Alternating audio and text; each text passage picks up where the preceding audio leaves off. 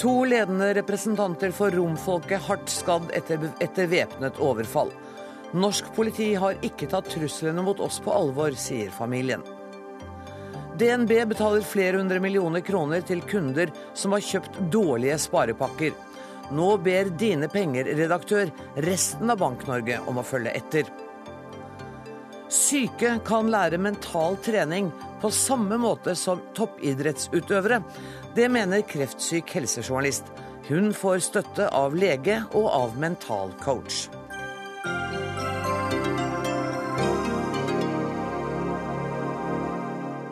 Dette er Dagsnytt 18 denne onsdagen, som også er dagen da regjeringen starter sin informasjonskampanje om demens.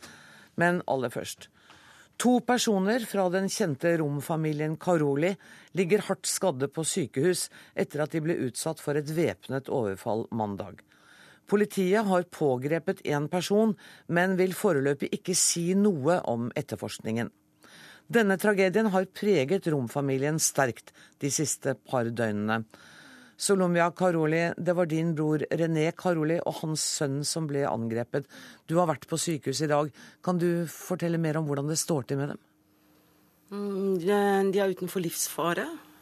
Men uh, min bror han har pådratt, pådratt seg alvorlige skader. Mm. Kan du komme litt nærmere til mikrofonen? Du sitter litt langt unna.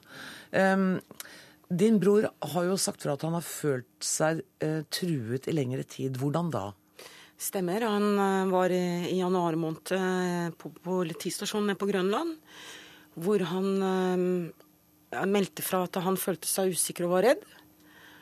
Og hvor politiet har da henlagt denne saken. Og så skjer dette her nå allikevel. Etter tre måneder. Mm. Solomia, du er ikke her bare som privatperson i dag. Du har sagt til meg at du er her som representant for familien. Hva betyr det? Eh, det betyr det at eh, jeg har snakket eh, med mine brødre og søstre. Og det miljøet ønsker nå fra myndigheter, norske myndigheter, er at de får ryddet opp i denne saken. At de som har utført dette drapsforsøket på min bror, blir tatt. Og ja. Føler dere at dere ikke har fått nok støtte fra politiet? Ja, det har jo vært uh, Unnskyld at jeg sier det, men uh, det har jo vært en uh, inhuman og rasistisk holdning og politikk i, i forhold til oss norske sigøynere. Jeg kan snakke for de siste 50 årene. På hvilken måte har det ytret seg? Unnskyld? Hvordan, hvordan da? Hvordan har du merket det? Ved at jeg ser at det er en, tre generasjoner i dette landet som ikke kan lese og skrive. Hvor alle er på trygder og sosialt stønader. Og hvor eh, norske sigøynere, min fars generasjon, min egen generasjon, våre barn, ikke har fått aktiv informasjon og veiledninger av norske myndigheter i, om hvilke rettigheter de har som som menneske og som eh, verdige borgere, norske borgere av dette landet. Men du sa til meg før vi gikk i studio også at eh, politiet ikke har gjort noe for dere. Altså jeg, Det eneste jeg kan si nå, er at hadde kanskje politiet tatt eh, min bror seriøst i januar måned, så hadde ikke han ligget så alvorlig skadet som han gjør nå. Mm. Men det er jo ikke bare han. Det er jo hans barn også. Og Det er nettopp derfor det er så viktig at politiet prøver å oppklare dette her. Fordi det er nå en ung generasjon her som også blir blandet inn. Og vi vil ikke ha Sigøynerne ønsker ikke den situasjonen som har oppstått nå. Vi har selvfølgelig invitert ledelsen eh, i politiet også til å komme til Dagsnytt 18, men der var det ingen som hadde anledning til å komme i dag. Men jeg er helt sikker på at det sitter mennesker og hører på dette og sier at ja, men vi har hørt om familiekonflikter i, i Karoli-familien i mange år. Hvorfor skal de rope på politiet? Nå må de ordne opp selv. Sikkert mange som tenker det. Det er vel akkurat dette problemet her, at eh, de har eh, de har eh, vært isolerte fra det store samfunnet i mange tiår. Og det har, eh, det har oppstått et, et negativt uh, miljø i, i, forhold til vold og hevnaksjoner og ditt og datt, altså. Jeg mener, jeg tror hadde, hadde de andre sigøynerne fått samme muligheten i livet som det jeg har hatt, så hadde ikke de sittet og hatt de problemene i dag. Men når det, sitter, når det er handlingsplaner og innstillingsplaner som går imot oss, bevisst ikke skal vi, altså hvor vi bevisst ikke skal få en skoleutdannelse, bare handlingsplanen for 2009, det står ikke et eneste ord om at eh, barna skal, ha, skal få seg en skoleutdannelse. Og Unnskyld at jeg bringer det på bane. Skullerud-prosjektet har da akkurat nå klart oss å komme inn eh, og, hvor de sier at, skal få, at, elevene skal få eh, et papir i handa etter seks måneder. Dette presterer norske myndigheter å gjøre nå etter 50 år. Ja. Jeg kjenner ikke Skullerud-prosjektet og har heller ikke nei. noen av dem her. Så, så, la oss gå til litt tilbake til de, de konfliktene som har vært der. Um, fordi det er Dette har jo vart i mange år at det har vært uenigheter mellom grupperinger av dere romfolket som bor i Norge har dere gjort noe selv? Dere har jo på en måte en sånn egen justis også internt. Har dere gjort noe for å prøve å bilegge, få bort denne striden? Altså, Jeg er ikke den rette til å kunne kommentere det. Men, men når oppsto denne konflikten? Var det da din far som var sigøynerkongen, som det het i Norge, var det da han døde? Altså, Min far han har klart å samle sigøynerne, han. Mm. Han prøvde å avverge flere situasjoner. Og det var nettopp det som var så fint med han. Og i ettertid eh, så har det Gruppa har ikke helt klart å holde sammen og, og være, stå sammen og være venner. Det, det, er, det er den utviklingen eh, miljøet har gått i. Ser du at det er noen lysning? Er det noe håp om at dette blir bedre? Ja. Eh, hvis myndighetene er eh, Hvordan skal jeg ordlegge meg? Akkurat som du vil. At, om de er villige til å prøve å, å, å se på oss norske sigøynere som er født og oppvokst her, som menneske og verdige borgere av dette landet, og gi oss de rettighetene som enhver norsk borger har i dette landet. Mener du at det er der det ligger? Er det, det er ingen... der hele problemet ligger. og Det er, derfor... det er ikke noe dere kan gjøre selv? Altså Heldigvis så har jo sigøynerne begynt å våkne litt, og de har jo skjønt at barna må på skole.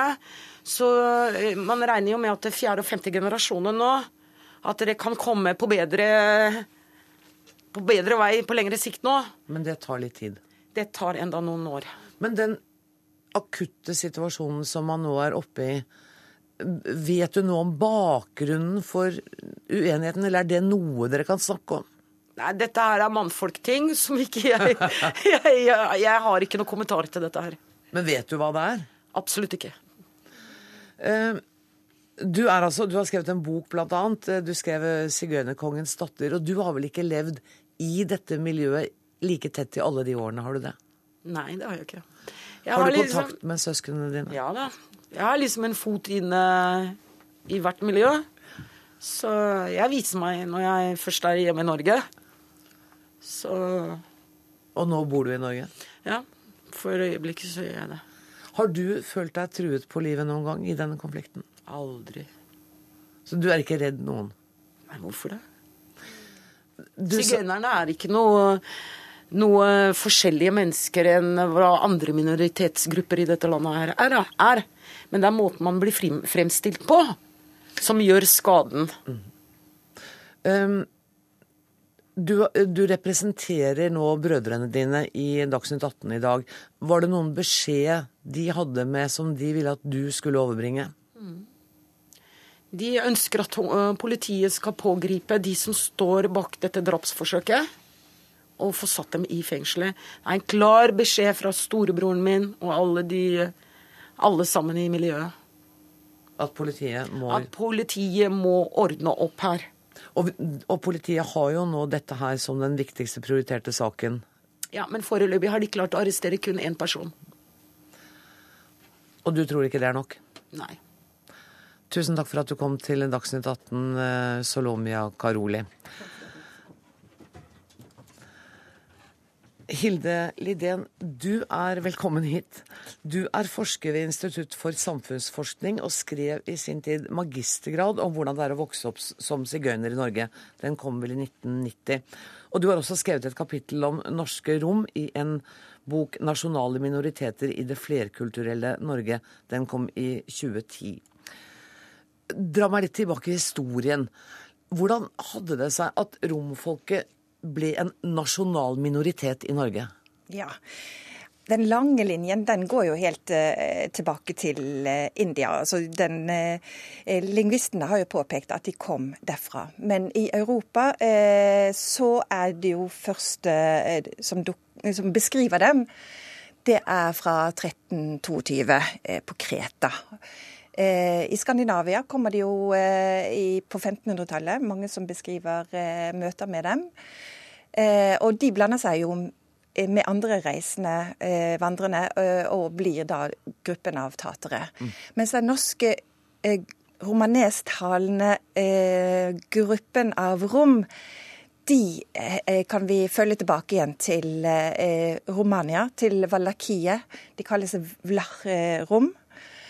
og det var en stor gruppe som levde i, uh, under føydalsamfunnets uh, Altså i, i livegenskap. Mm.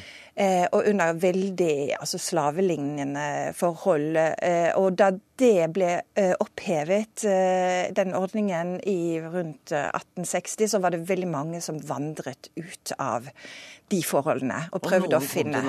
Og dermed var det noen som vandret helt opp forbi Danmark og kom til Norge.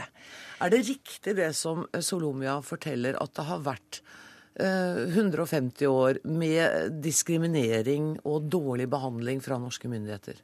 Du kan jo si at I den perioden da de kom, så var det jo, da var passplikten opphevet. Eh, vi hadde ikke passlover.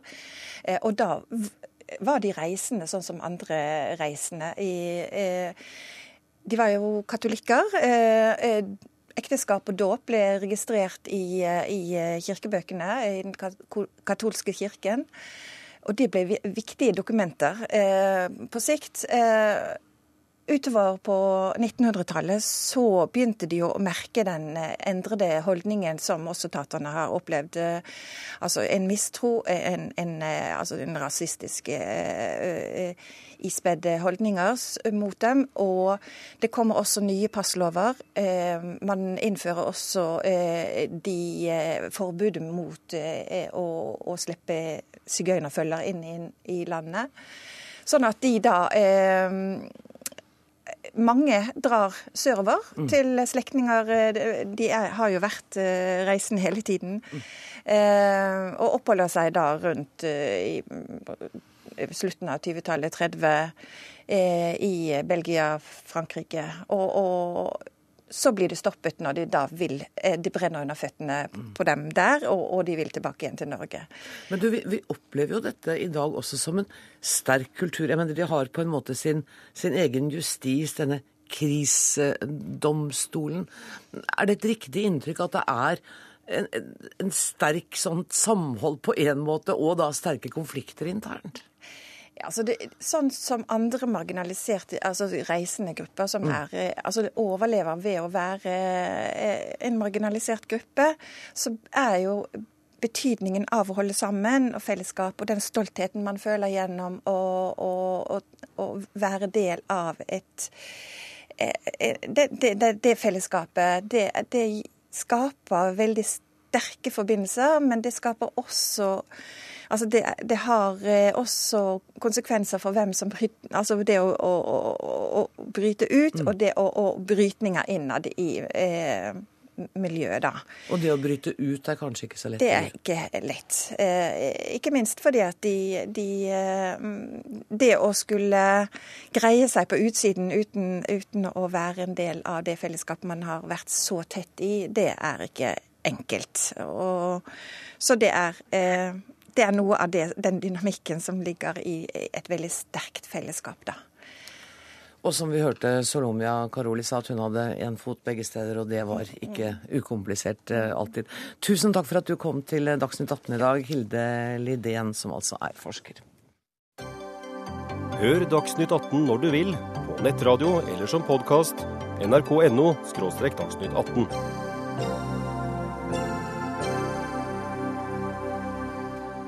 skal dreie seg om penger igjen i Dagsnytt 18. DNB betaler 60 millioner kroner i erstatning til over 300 bankkunder som har kjøpt såkalte Rødeggen-produkter, og dermed varsler banken flere hundre millioner i erstatning for sju lignende produkter.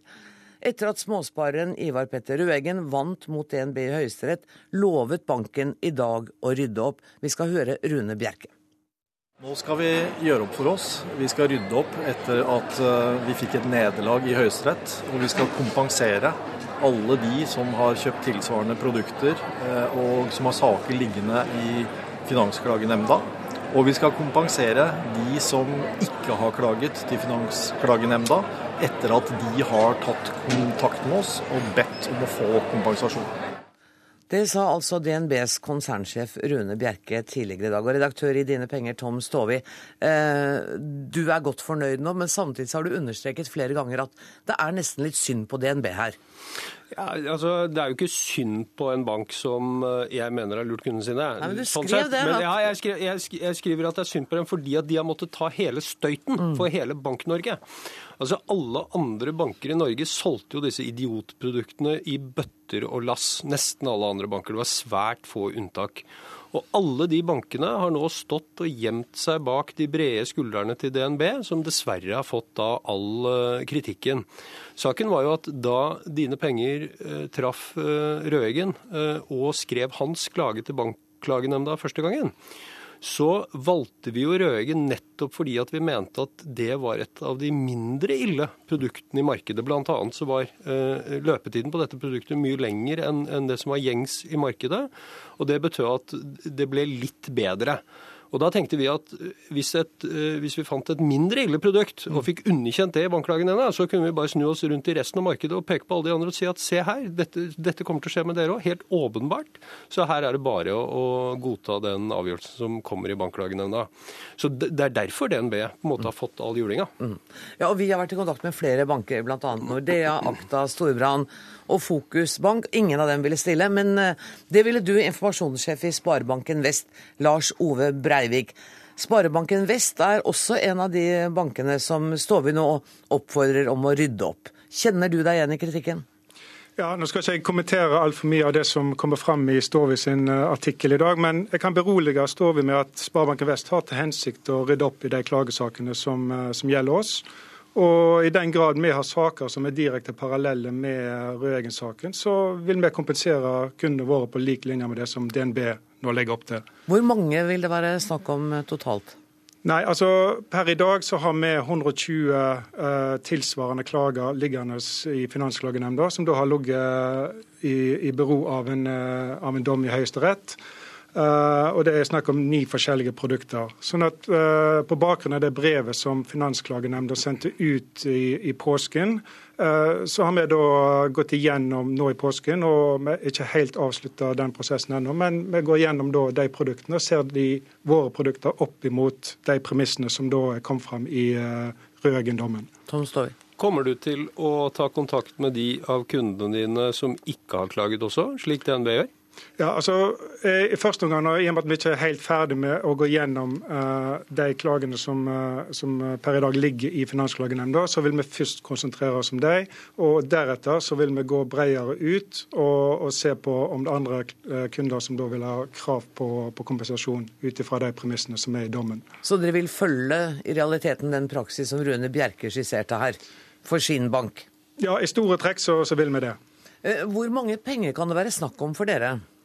Nei, nå har jeg ikke mer rent på det. For det er en, eh, det er en litt komplisert altså Du har et fradrag for skatt og en del eh, sånne type ting. Men vi er ikke snakk om de beløpene som DNB har antyda i dag. Nei, men kan du si noe om det er type millionbeløp her? Det, nok, det, det vil nok være millionbeløp det for, for vår del. Det vil det nok. Kommer dere til å fortsette å tilby lånefinansierte spareprodukter på etter den samme malen etter dette? Nei, altså Denne type spareprodukter slutta Sparebanken Vest å selge i 2008. Og, ja, men det hadde jo litt andre grunner. Det var vel mer at det var litt vanskelig å selge dem pga. bankkriser og økonomiske kriser i Europa? Ja, eh, i dag så selger vi kun verdipapirfond. Direktør, ja. Direktør i Forbrukerrådet, Randi Flesland. eh, Er det sånn gratulerer med dagen igjen til forbrukerne? Ja, men Det er jo en god dag for forbrukerne, så DNB skal jo ha honnør for å være først ute eh, med å rydde opp etter seg. Men det skulle jo også bare mangle at ikke Norges største bank skulle følge høyesterettsdommen eh, når det er sagt. Så det er en god start. Ja, Eh, Men det er jo mer enn det. For Rune Bjerke går jo her lenger enn man kanskje kunne forventet. Det som Stovi sier, at han opp, de skal også oppsøke de som enda ikke har meldt kravene. Ja, og det er, Det er ryddig. Det er veldig ryddig, og det er veldig positivt. Men han har samtidig definert produktene ganske smalt. Sånn at hvis vi skal si at han hadde vært eh, virkelig raus og ryddet opp, så ville han valgt vesentlig flere produkter og tilbakebetalt. Men det er derfor jeg sier dette er en veldig god begynnelse og en god dag for forbrukerne. Men det er jo da også veldig viktig at de andre bankene følger etter. Jeg syns det er positivt å høre Sparebanken Vest er i en god prosess nå. Det er mange andre som ikke har svart. Vi håper at de svarer veldig positivt. Det er nå, en frist her, er det ikke det? jo, det er en frist, en fireukersfrist fra når brevet gikk ut. Men det som er viktig, er jo at her har vi en hel bransje som faktisk har lurt eh, kundene sine. Eh, Og de ønsker vel ikke å møte kundene sine i retten. Det er jo dårlig kundebehandling, så de må faktisk rydde opp uten å gå innom rettsapparatet. For vi har tatt rettssaken for dem allerede, og Høyesterett har vært utrolig klar. Og det går ikke på regnefeil i prospektene, sånn som noen sier. Bare for å sitere én setning fra dommen, så sier de at avgjørende er at man lagt til grunn at Røgen ikke ville ha inngått avtalene om man hadde fått tilstrekkelig nøktern og korrekt informasjon om avtaleforholdet. Og det er det vi snakker om. Dette gjelder alle bankene. Og det er helt riktig, det er ikke bare DNB, det er mange, mange. Og, og, og, og øh, Flesland har helt rett i det her. Um, vi må på en måte slå tilbake dette fikenbladet som øh, DNB nå har forsøkt å gjemme seg bak, nemlig når de skriver i pressemeldingen at øh, at det var en slags feil, øh, en skrivefeil i prospektene som Røgen fikk, og det er det de har blitt tatt på i Høyesterett. Det er altså ikke riktig. Eh, Jeg leser høyesterettsdommen som eh, mer en generell eh, dom knyttet til den informasjonen som lå i hele dette informasjonskomplekset han ble utsatt for. Og der, og det er et vesentlig poeng, det er altså sånn at de andre bankene ikke har gjort eh, det dugg bedre jobb enn det DNB gjorde i denne perioden, og heller ikke etterpå. Så at eh, jeg tror også, som Flesland, at vi har mange saker i vente hvis ikke bankene nå eh, begynner å rydde opp selv. Jeg har f.eks. nå, eh, as we speak, eh, journalister som har begynt å bla gjennom de andre prospektene og sammenligne de da med dette prospektet til DNB. Så vi har jo samlet på bunkevis. Jeg har jo selv lest gjennom dette. Og jeg synes det er på tide at bankene nærmest også kommer med en slags unnskyldning. Altså, I den perioden hvor jeg jobbet med dette sakskomplekset, så har jeg også snakket med så mange bankfolk. De som har skrudd sammen produktene, de som jobbet i banken, kompetente mennesker, investorer som sitter og forvalter sine egne penger. Og når jeg da i de siste 10 årene, eller 15 årene har spurt dem er dette produkter dere ville ha kjøpt selv, så blir jeg møtt med hånlatter. Og dette er folk som jobber i bankene. Og bankene vet selv at det å låne folk, og det var det de gjorde, de lånte folk en million kroner. Mesteparten av den millionen ble plassert på en høyrentekonto med lavere rente. Dette er idioti, og det skjønner selvfølgelig enhver bank. Sparebanken Vest i Bergen her har skjønt Mm. Vi etterlyser etisk produktutvikling Ja. i det videre. For dette her går jo ikke an å selge lenger. Jeg må bare få understreke igjen at siden eh, DNB ikke er her, og Mm. så er det ikke fordi vi ikke har invitert dem, men eh, konsernsjef Rune Bjerke var på vei ut av landet og hadde ikke anledning til å være med. Men Lars Ove Breivik, er det på tide med en unnskyldning til kundene nå?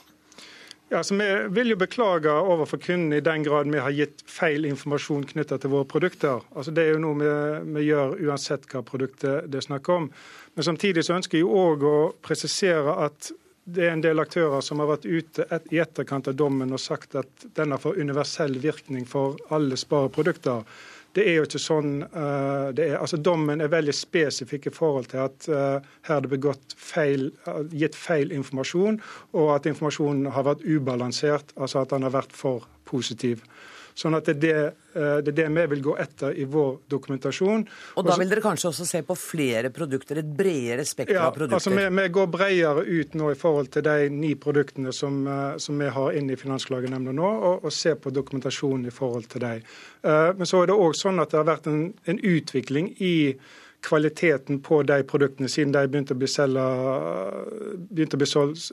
solgt, i, i begyn- begynnelsen på 2000-tallet. Altså Det kom forskrifter i 2004 og 2007 som, eh, som gjorde at eh, den eh, informasjonen som ble lagt ved eh, de produktene, har blitt bedre i, i den perioden. Randi Flesland, jeg tenkte du skulle få si litt mer om de der etiske retningslinjene som dere vil ha. Hvem og hvordan skal de utarbeides? Nei, altså Bankene må drive som vi kaller etisk produktutvikling. Det betyr at de må utvikle produkter som både kundene skjønner og de ansatte faktisk skjønner. Og det må være mulig for kundene å tjene penger på dette. Og man skal bruke de riktige ordene. Her ble det brukt garantert sparing, og det egentlig så var det risikofylt spekulasjon. Nei. Så det er Det er virkelig uenig. Poenget var at det var ikke risiko. Det var en lånefinansiert høyrentekonto med et bitte lite opsjonselement. Ja, ja, det, er, altså, det var det som var problemet med disse produktene. Det var jo det rene idioti. Og det er jo det som er så synd med denne høyesterettsdommen, at man ikke har gått rett på produktet. Og det er kanskje spørre Sparebanken Vest om jeg får lov til Kommer dere til å fortsette å anbefale kundene deres å lånefinansiere høyrentekonto? Er det lurt som bankmann å anbefale noen å låne til 5% og plassere til 3 Det er det store spørsmålet, og det er det bankene burde ha sagt til kundene. Det bør man ikke gjøre. og jeg Breivik er spør, enig. gjør dere det, Breivik? Nei, I dag så, så tilbyr vi kun verdipapirfond. og det er, vi tilbyr ikke det med lånefinansiering. Det er noen ytterst få kunder som på eget initiativ får satt sammen noen løsninger. Men eh, for den vanlige bankkunden så er ikke det noe vi tilbyr. Sånn at det virker jo som om vi er liksom et skritt i riktig retning for Ja. forbrukerne. Ja vi, har hatt, ja, vi har hatt en utvikling når denne saken Nå har jo vi kjørt rett, i rettsapparatet i over fire år på denne saken. Og etter hvert så har reglene blitt bedre, så det er bedre regelverk for bankene, det er bedre forbrukervern. Disse produktene er ikke til salgs lenger, denne type produkter. Og bankene blir sett litt mer i korta, for vi forbrukerne er blitt litt mer bevisste etter at vi har fått eh, såpass mye oppmerksomhet rundt denne saken. Det Så koster oss et bitte lite smil i dag, da. Et lite smil tar vi med oss, og så bare rydde opp ferdig. Takk for at dere kom, Lars Ove Breivik, Tom Stovi og Randi Flesland.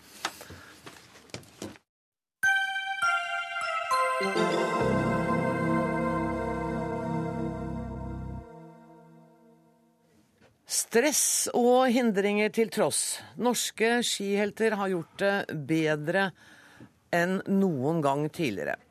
Og lærdommen fra skisporet som vi må ta inn i helse- og omsorgssektoren, den er at det nytter å sette seg mål. Det mener du, Annbjørg Sætre Håtun. Du skal få lov å sette deg ned før jeg begynner å spørre deg ut. Du er helsejournalist og forfatter, og du er selv kreftsyk.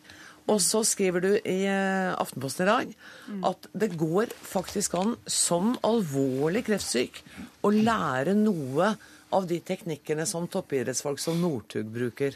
Ja, det tenker jeg. Og jeg tenker jo at de teknikkene stammer jo egentlig fra et annet fagfelt igjen, som handler om medisin, og som handler om psykologi, og som handler om uh, ja, noe som er utvikla lenge før idrettskonkurransekulturen satte i gang. Men jeg tenker at de teknikkene som tilbys toppidrettsutøvere, teknikker for å lære å håndtere stress, for å lære å håndtere smerte, for å sette seg delmål, for å drive med visualisering, for å drive med positivt eh, selvsnakk og hvilke ord du velger i din indre dialog.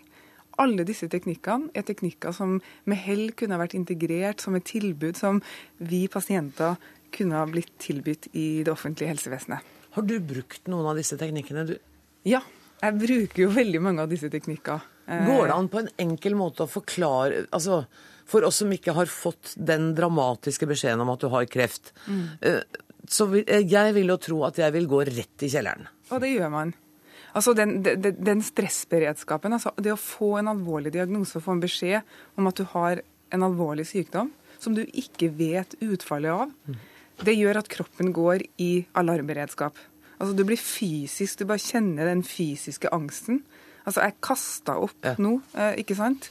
Du ligger der og du kjenner bare at kroppen går virkelig i beredskap. Det er veldig mange som ikke tenker over hva den beredskapen egentlig er. Men det er jo en fysisk reaksjon hvor stresshormonene øker veldig i kroppen. Og det som ofte er en utfordring, at kroppen blir stående i vedvarende alarmberedskap over veldig lang tid. Fra den første diagnosen stilles, gjennom operasjoner, gjennom diagnostiserings- og utredning og gjennom behandling osv. Uten at man har noe verktøy for hvordan roe ned den stressberedskapen i kroppen. Mm. Og disse verktøyene finnes, og disse verktøyene kan brukes og kan gi oss bedre liv i løpet av tøffe behandlingsperioder. Men eh, er du der at du sier at du kan tenke deg frisk? Nei. Nei. Nei. Det er veldig langt derifra. Ja.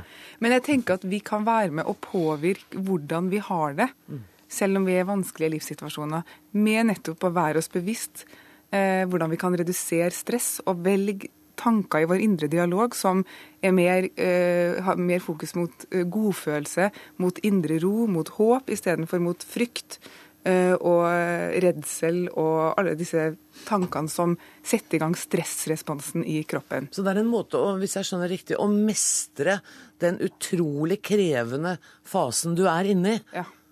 Det handler veldig masse om det. Det handler veldig masse om rent fysiske ting jeg gjør, som å eh, være opptatt av hvordan jeg kan eh, bruke pusten min som, som, et pusteanker, ikke sant, for å bare få den fysiske stressresponsen til å gå ned. Og det handler om eh, veldig masse hva, hva, slags ord jeg velger i min indre dialog. Eh, så, så, dette har jeg jobba med. Men hender ikke at du tenker shit i den indre dialogen og alt det positive? Jeg bare orker ikke dette. Ja.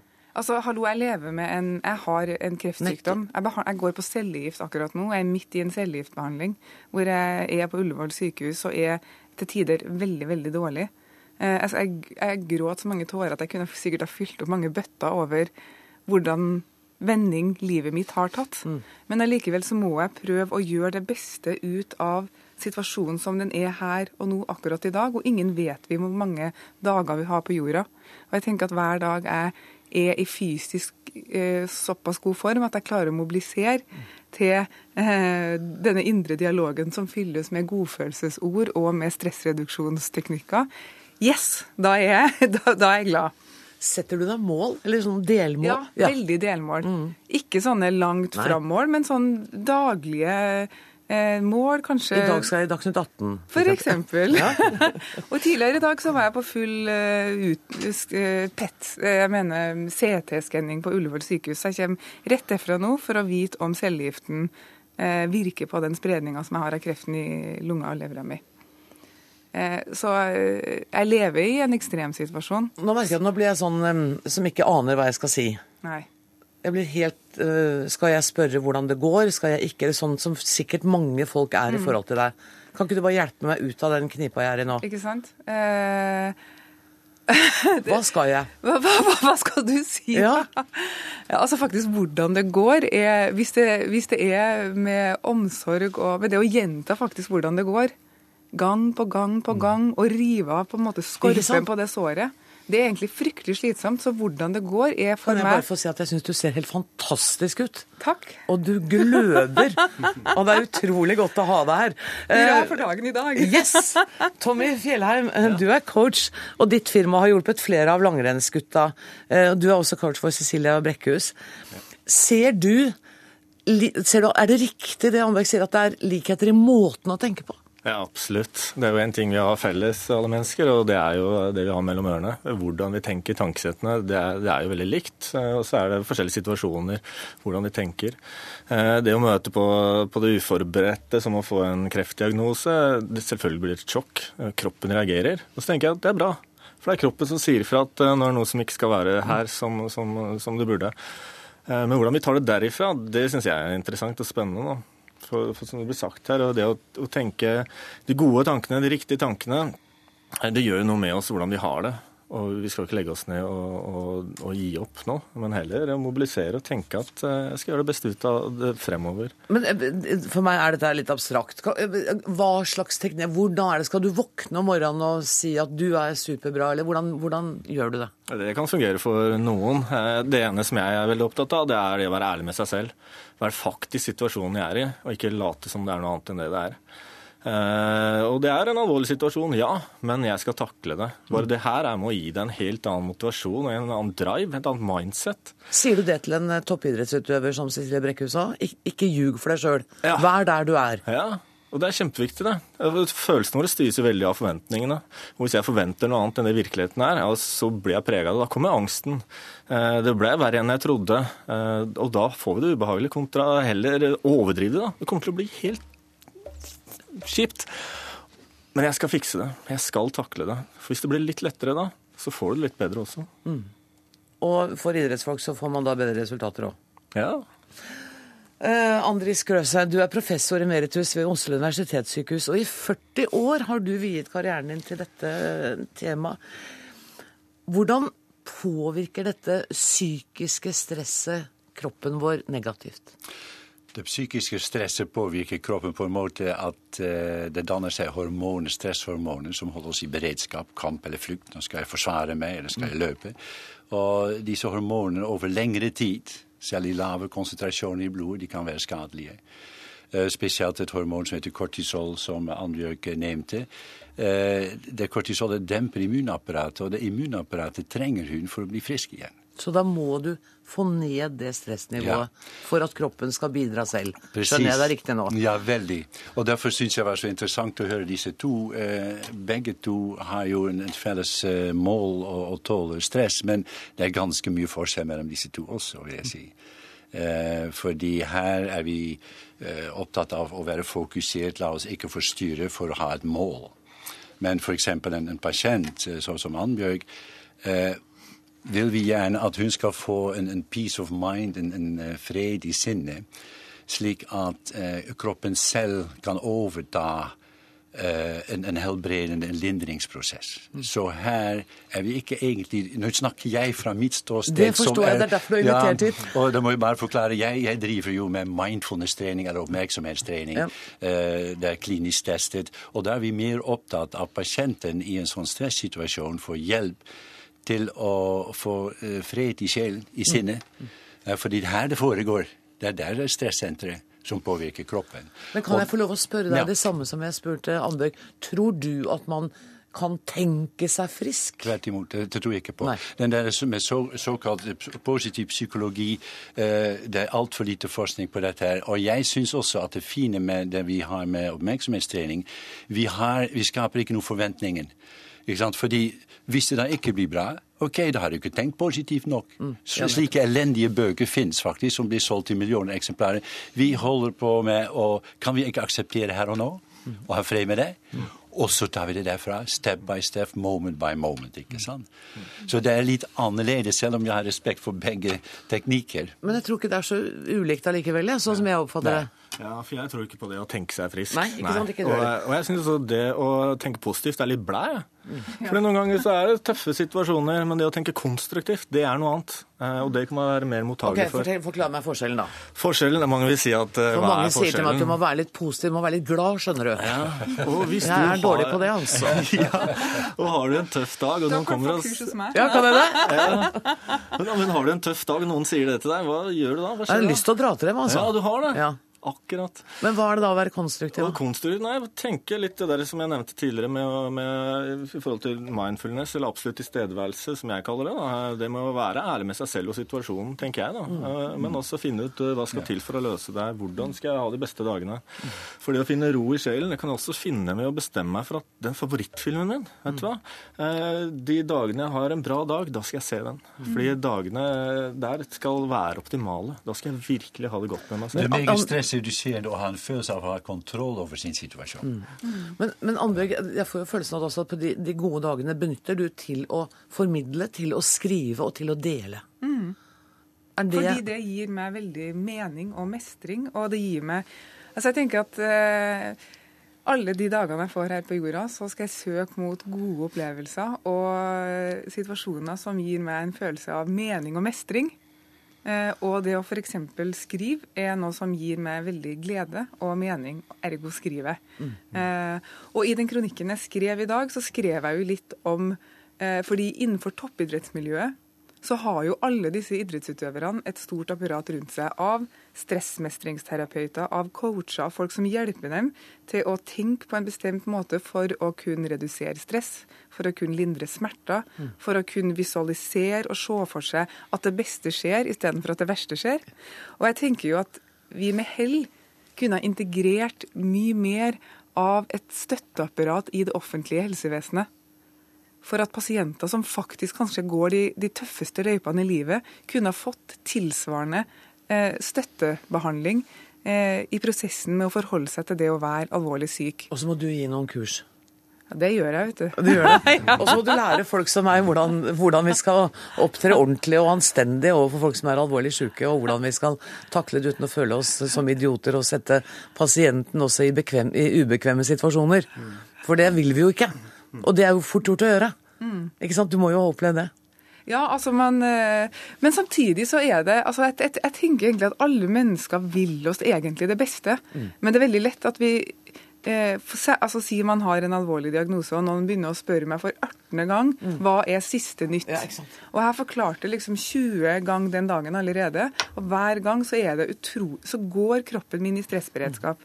Men hele greia at jeg kan ikke kontrollere mennesker rundt meg. Så jeg kan kontrollere hvordan jeg responderer på hvordan de andre er overfor meg. Velger jeg å gå i stressberedskap og bare kjenne at nei, ikke stille spørsmål igjen? Eller velger jeg å tenke dette mennesket bryr seg om meg, men jeg kjenner at det er slitsomt for meg å forklare, så da sier jeg takk for at du bryr deg. Eh, Men jeg kjenner at akkurat nå så klarer jeg ikke å gjenfortelle, for jeg har forklart dette 20 ganger før i dag. Men eh, takk for at du bryr deg. Oh, takk skal du ha. Tusen takk for at dere kom. Vi kunne ha snakka om dette her i hvert fall en time til. Jeg er utrolig glad for at dere alle sammen hadde gode dager i dag, så dere ville komme til Dagsnytt 18. Tusen takk skal dere ha.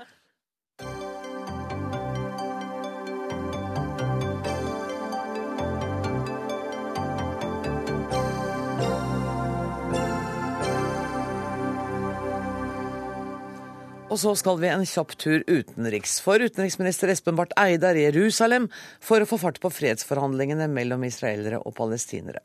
Prosessen for en tostatsløsning beskrives som fastlås. Og utenriksminister Espen Barth eh, Eide, hvordan vurderer du situasjonen nå? Den er eh, nøyaktig som du sier eh, fastlåst, og det har den vært nå i, i flere år. Eh, Etter at vi hadde noen, eh, en optimistisk eh, situasjon for et par år siden der vi så at israelske palestinske selvstyremyndigheter hadde nådd et nivå sånn at de var klare for å faktisk bli en stat, så har vi sett at det har stått ganske stille på den politiske fronten. Og Jeg har nettopp hatt et nesten to timer langt møte med statsminister Netanyahu for å diskutere dette i stor detalj. Og så ta med meg budskapet til eh, den, den nye eh, regjeringen i Israel som nettopp er formet, om hva vi kom fram til på giverlandsmøtet i Brussel for et par uker siden.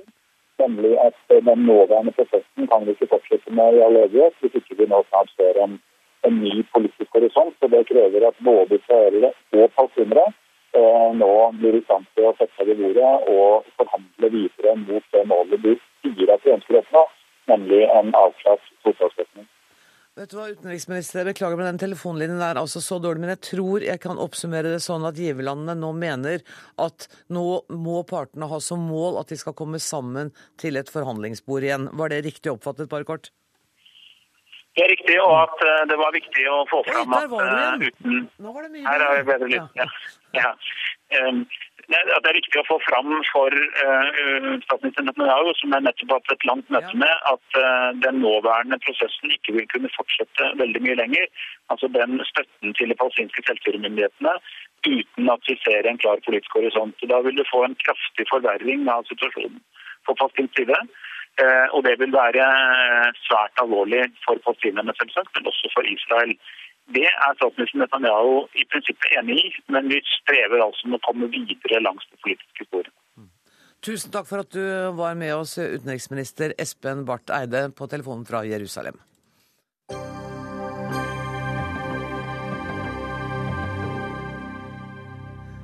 En halv million nordmenn har i dag rett til spesielt gunstige boliglån. Alt du trenger å gjøre for å få dette gode, er, for å få dette gode, det er å arbeide i en bedrift tilknyttet Statens pensjonskasse. Og det er penger å spare. Om lag én tusenlapp i måneden hvis du har ca. en million i lån. Men denne ordningen vil du nå få fjernet, Robert Eriksson, stortingsrepresentant for Fremskrittspartiet. Hvorfor det? Det Fremskrittspartiet sier, det er det at eh, vi synes det er urettferdig at, man skal, at politikerne, staten, skal subsidiere spesielt gunstige eh, rentelån for offentlig ansatte, stortingsrepresentanter og, og regjeringsmedlemmer. Hvorfor skal jeg som stor... De er en bitte liten unnskyld meg. Nei, men, men altså, hvorfor skal jeg som stortingsrepresentant ha, ha egen subsidiert ordning eh, som, som gir meg lavere rente, halvparten av renta i det ordinære markedet, enn hva et ungt par som etablerer seg i privat sektor, med, med, som jobber i verkstedindustrien og i, og i renholdsarbeider. De vil da må gå i det ordinære markedet. Jeg synes ikke det er, Rent prinsipielt så syns ikke jeg det er en politisk oppgave å gi gunstige rentevilkår for enkelte ansatte. Men det er 500 000 mennesker i dette landet som har dette tilbudet. Alle de er jo uh, ikke stortingsrepresentanter. Det er en bitte liten del av dem, og veldig mange av dem er lavtlønte offentlig ansatte. Jo, jeg sier, jeg sier det at offentlig ansatte, regjeringsmedlemmer og stortingsrepresentanter, sier jeg. Uh, Og så sier jeg det at dette er noe som er innenfor hovedtariffavtalen. Vi har ikke sagt at vi skal sette et strek over hovedtariffavtalen. Vi forholder oss til inngåtte avtaler. Men vi sier at det må være mulighet til å ta denne prinsippdiskusjonen uh, hvis vi kommer i regjering med eh, med, med, med partene i arbeidslivet. På samme måte som man har tatt en prinsippdiskusjon i forhold til endringer når det gjelder offentlig tjenestepensjon, når det gjelder eh, andre ting. Tone Rønholtangen, du er leder i LO Stat. Er du villig til å ta den diskusjonen om øh, hovedtariffavtalen og dette? Altså, I hvert eh, hovedoppgjør så er jo alle elementene i hovedtariffavtalen i staten oppe til diskusjon. Men det, det som er utidig her, er at Eriksen som stortingsrepresentant kommer her og kaller det at en utidig innblanding i eh, for- forholdet, noe som er framforhandla mellom partene, og som er en, en gammel ordning. Og så snakker, Jeg veit ikke om Eriksen snakker for, mot bedre vitende, eller om han eh, prøver å ta en litt spansken. Dette er en ordningen er ikke subsidiert. De som har det lånet, de betaler normrente, som er en eh, rente som er eh, vedtatt av Stortinget, og som eh, fastsettes av Finansdepartementet. Ja, men den er lavere enn den vi andre betaler? Ja, men det er den samme renta som alle arbeidsgivere kan, alle arbeidsgivere, både offentlige og private, kan gi tilsvarende låneordninger til sine ansatte, og da er det den renta som skal brukes. Og det er det mange private arbeidsgivere som også gjør. Så det jeg stiller meg et lite spørsmålstegn ved, det er hvorfor Eriksson her absolutt skal angrepe de offentlige ansatte. Jeg sier at det føyer seg pent inn i rekken av angrep fra Fremskrittspartiet på statsansatte. Ja, det var ikke jeg klar over at det er en, privat, en del private også arbeidsgivere som gir dette lånet. Kunne man jo tenke seg at flere kunne få sånne lån, da? Nei, altså, hva private ordner med sine ansatte, og, og, og ikke også blande seg inn eller skyte på feil blink, syns ikke jeg. For altså, Det er nå engang sånn at det er Stortinget som bevilger pengene. Politikerne sitter og bevilger penger som betales inn av skattebetalerne.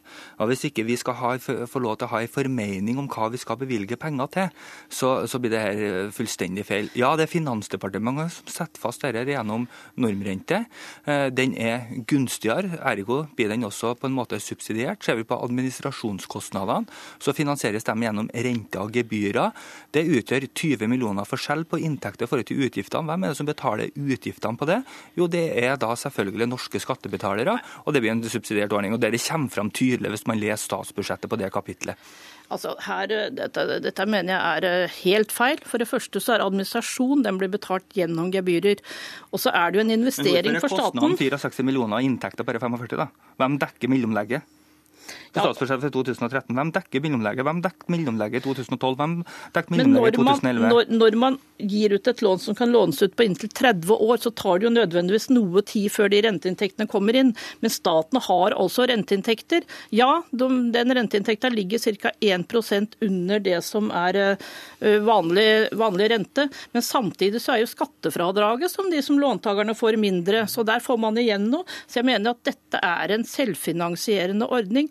Også urettferdig. Altså Et lite spørsmål til eh, Frp her. Hva er det neste gode vi har framforhandla, som er en del av lønns- og arbeidsvilkåra for statsansatte, er det dere skal ta når dere kommer i regjering, som du sier? Om, eh, altså, jeg, vet du, jeg er veldig glad ja, for at du er så tydelig på dette her. For dette her gir oss akkurat de argumentene vi skal ha i valgkampen når vi sier at vi skal ha en regjering som er med oss og ikke mot oss. Og du viser jo tydelig hvor du er imot eh, statsansatte. Ja, men vi tar ikke den diskusjonen. Vi, tar, vi holder oss til det vi skal snakke om. Ja, Du kan få lov, Hvis du har flere lang liste med ting du skal fjerne, så kan du gjerne komme med den. Nei, jeg, ellers så altså, jeg snakker skal ikke fjerne noe gode. Jeg har heller ikke sagt at vi kan fjerne ordninga. Vi har sagt at det er Finansdepartementet som setter fast rentene. Kan man her ha samme rente som man har i forhold til, til det private markedet. Altså, jeg tror det kan være mulig. Det ville gitt oss en renteøkning på 300 millioner kroner. Det har betydd at staten kunne ha brukt 300 millioner kroner mindre i, som skulle ha låntes ut. Det har gitt oss faktisk 850 sykepleiere som går på deltid, finansiert dem til heltidsstillinger. Det har gitt oss 450 nye sykehjemsplasser. Jeg syns det er greit å ha en prinsippdiskusjon på hva vi skal bruke penger på. Og da syns jeg det er greit også å stille spørsmålet er det en politisk oppgave, rent prinsipielt, å gi billigere, gunstigere rentevilkår for enkelte yrkesgrupper enn hva som er tilfellet for resten av markedet.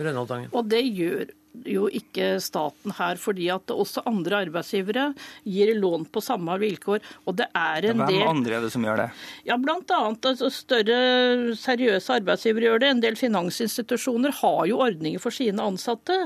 Det, det, det Men, men du sa at ved, ved, hvert, eh, ved hvert hovedoppgjør, sentrale oppgjør, så er alle elementene på bordet. Er, er, har dette også vært på bordet og diskutert?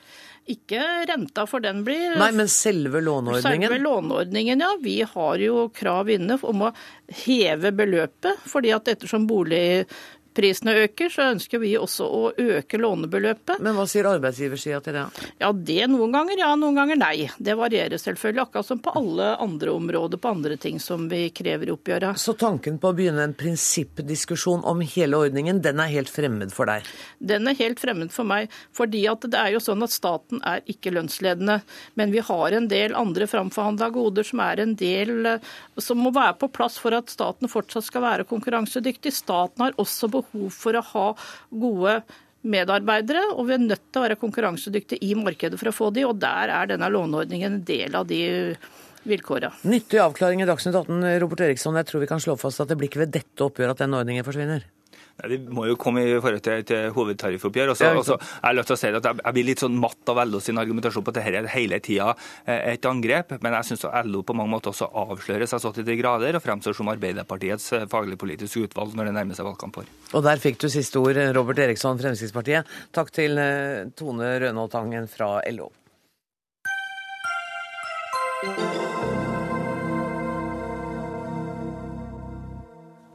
Inn i studio kommer eh, statssekretær i Helsedepartementet Kjell Erik Øie, for vi skal snakke om eh, den informasjonskampanjen som regjeringen har satt i gang i dag, og som skal handle om demens. Men jeg må først spørre deg, eh, Kjell Erik Øie, og jeg vet ikke om du hørte innslaget med Annbjørg Håtun her i stad?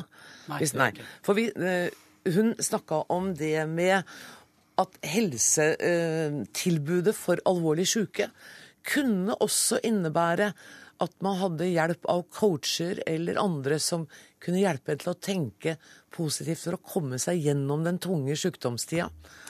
Jeg bringer det bare over som en liten idé til deg. Jeg syns jo det er strålende at folk tenker nytt rundt helsetjenesten. Vi har masse utfordringer eh, i tida fremover. Eh, noe av det har vi løst, eh, noe av det er vi i ferd med å løse, og andre ting kommer vi nok sikkert til å løse på andre måter fremover.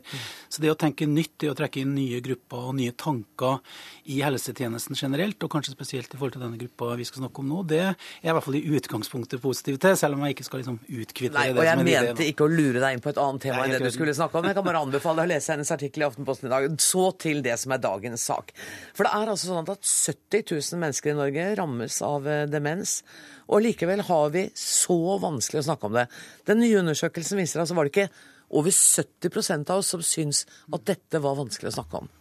Hvorfor Ja. er dette så skambelagt? Det er kanskje ikke så rart, fordi for det første så tror jeg vi alle har litt angst for å ende der sjøl. Veldig. Ja, ikke sant. For at, noen, eh, for at noen på et eller annet tidspunkt skal være nødt til å hjelpe oss med helt dagligdagse ting. At vi skal miste grep om vårt eget liv. Den angsten tror jeg ligger i oss alle, og så blir den sikkert forsterka etter hvert som du blir eldre.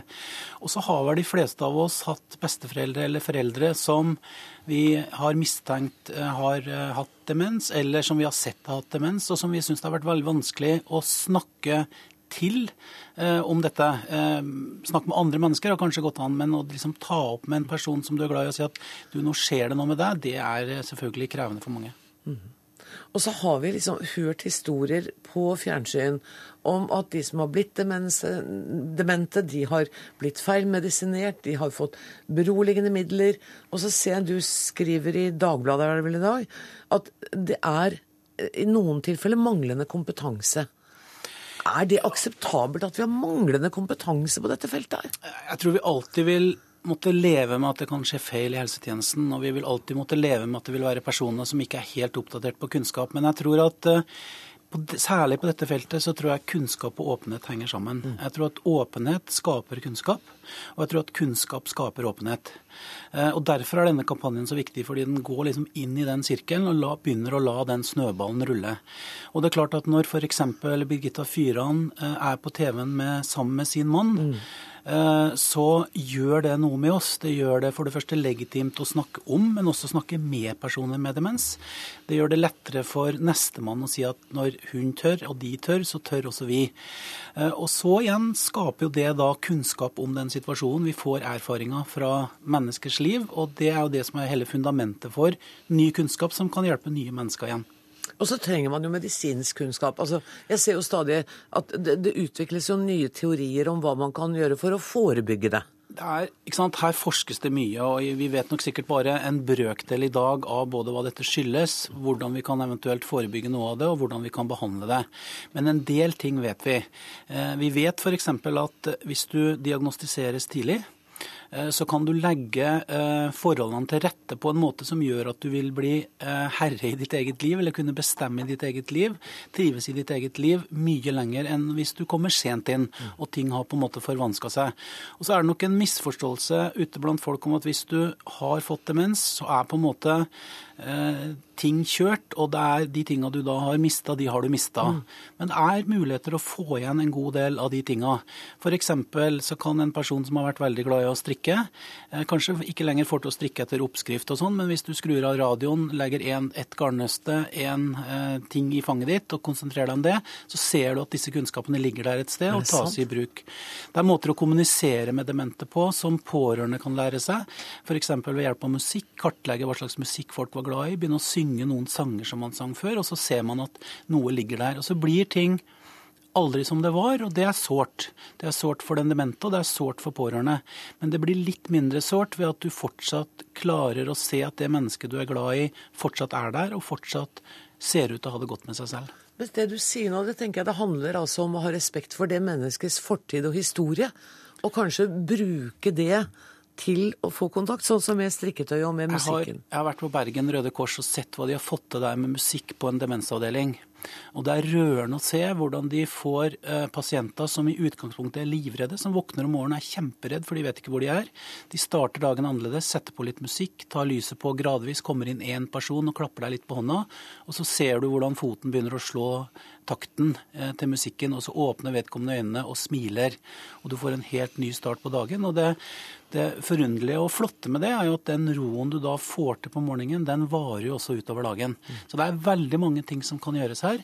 Men vi må ha større åpenhet. Vi må tørre å snakke om det, både internt i familien, men ikke minst helsepersonell. Og så må vi ikke liksom glemme eller prøve å forkludre at det er en nådeløs sykdom.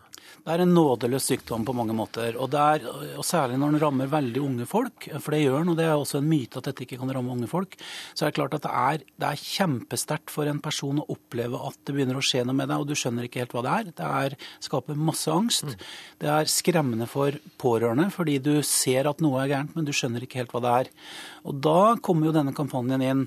Det å ta samtalen, det å tørre å spørre hva er det som er galt, prøve å sette ord på det, og kanskje få en mor eller far eller ektefelle til legen og begynne å nøste i dette. Og det er smertefullt, fordi du må, for å gjøre det, så må du tørre å sette ord på det, og det er jo det mange ikke klarer. Og da kommer vi for sent inn. Det er et stort skritt å ta. Men du skal ha hjertelig takk for at du kom til Dagsnytt 18 i dag, statssekretær Kjell Erik Øie i Helsedepartementet. Dermed er eh, denne sendinga slutt. Ansvarlig i dag har vært Dag Dørum. Det tekniske ansvaret har Lisbeth Sellreite, og jeg heter Anne Grosvold. Takk for nå.